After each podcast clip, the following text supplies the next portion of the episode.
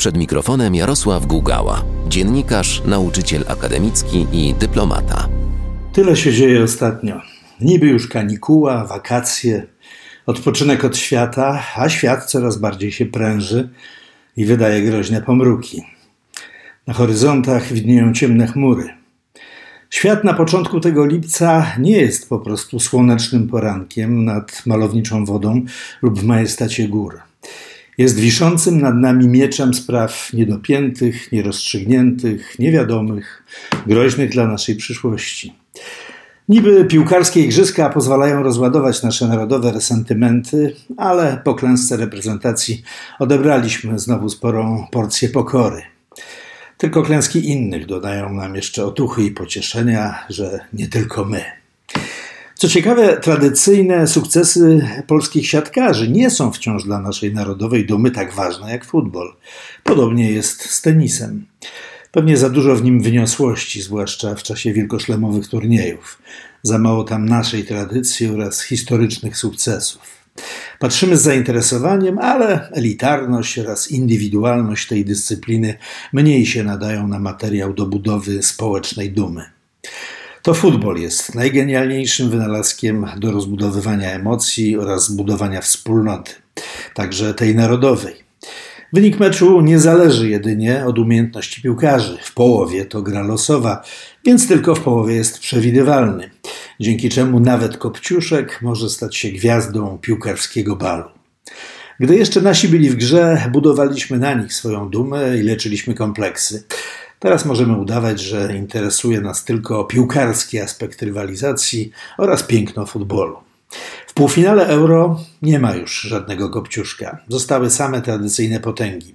Dwie z północy kontynentu i dwie z południa. Już wiadomo więc, że finał będzie pojedynkiem północ-południe. Komu będą kibicowali Polacy? Anglikom? Wszak na wyspach stanowimy obecnie jedną z najliczniejszych mniejszości. A może Włochom? Wszak jesteśmy do nich bardzo charakterologicznie podobni.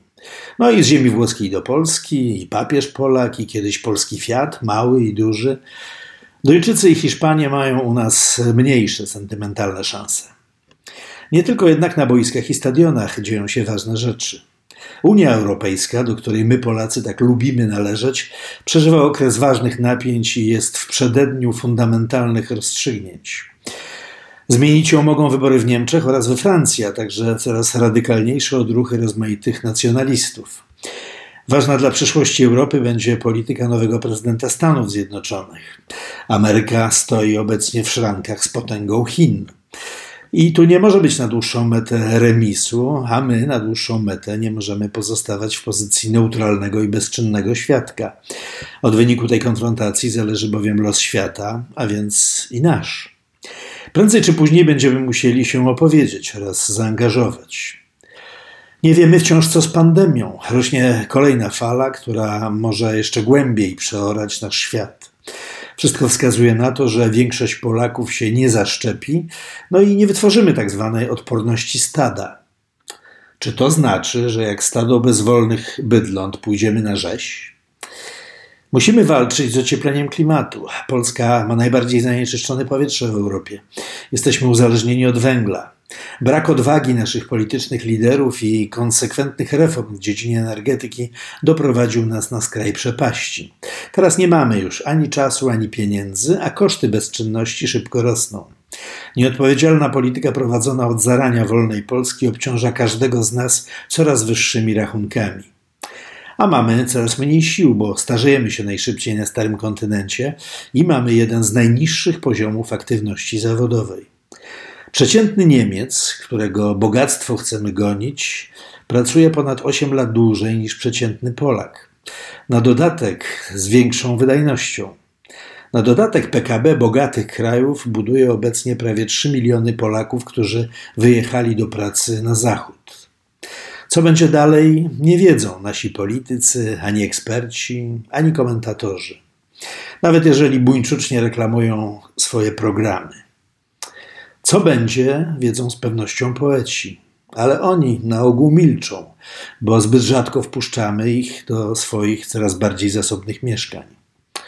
Poza tym, nawet gdyby do nas przyszli Na początku tych wakacji niewielu z nas chciałoby ich słuchać. A lato zapowiada się piękne tego roku. Wspieraj niezależne Halo Radio, które mówi wszystko. www.halo.radio ukośnik SOS. Dziękujemy.